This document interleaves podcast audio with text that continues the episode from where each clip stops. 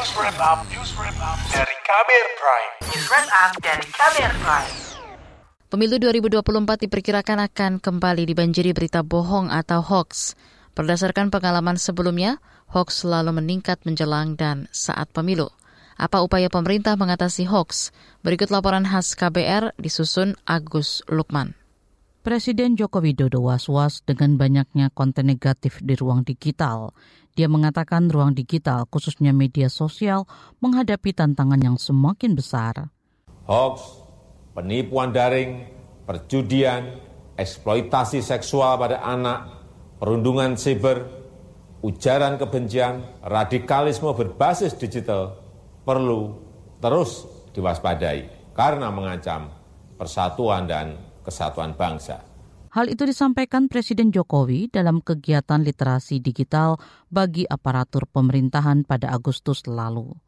Presiden Jokowi meminta agar kecakapan digital masyarakat ditingkatkan. Dia mengingatkan semua pihak ikut bertanggung jawab untuk menekan konten negatif dan membanjiri ruang digital dengan konten positif.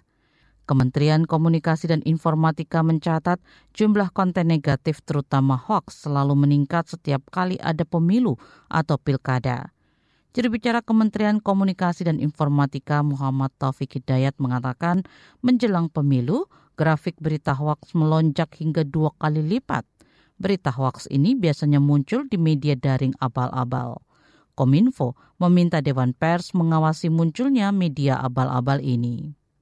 Selain itu, pemerintah juga akan mengeluarkan peraturan presiden yang mengatur platform digital agar ikut bertanggung jawab menciptakan jurnalisme berkualitas dengan kehadiran Perpres tadi itu akan bisa meregulasi, mengatur platform digital bersama dengan Dewan Pers supaya untuk menghindari konteks dari berita hoax ini. Selain menggandeng Dewan Pers, Kominfo juga bertemu platform media sosial Meta agar membatasi penyebaran pesan atau berita yang terindikasi hoax.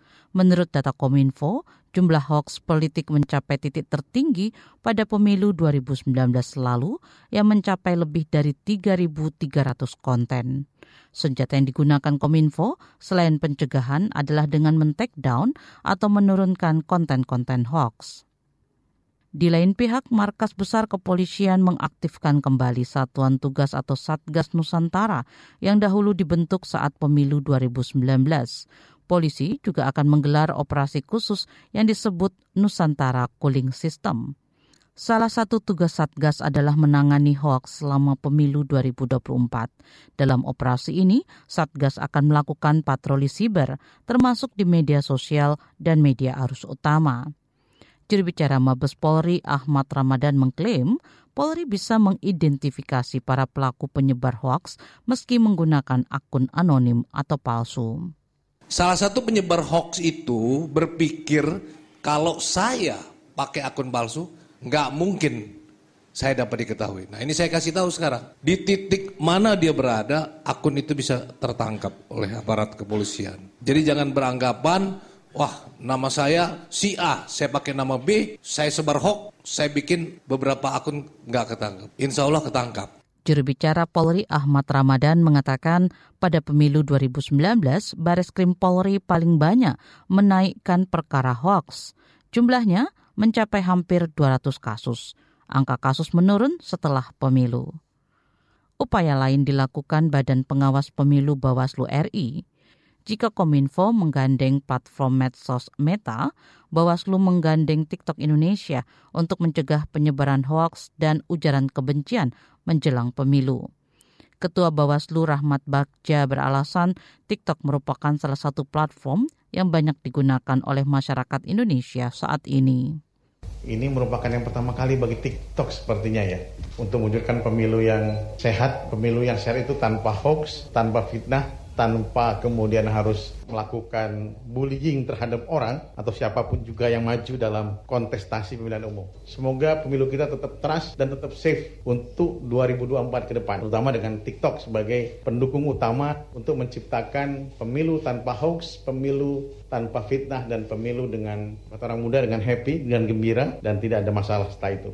Ketua Bawaslu RI Rahmat Bagja berharap TikTok dapat menyajikan informasi dan konten edukasi pemilu yang memberikan kemudahan bagi pemilih pemula untuk mencari informasi tentang pemilu tanpa hoax, tanpa fitnah berdasarkan suku, agama, dan ras. Berdasarkan analisis dari Masyarakat Anti Fitnah Indonesia, Mavindo, penyebaran hoaks pemilu pada pemilu tahun depan akan banyak berbentuk video. Ini berbeda dengan pemilu 2019 yang lebih banyak berupa foto dan teks. Demikian laporan khas KBR. Saya Fitri Anggreni. Kamu baru saja mendengarkan news wrap up dari KBR Prime. Dengarkan terus kbrprime.id, podcast for curious mind.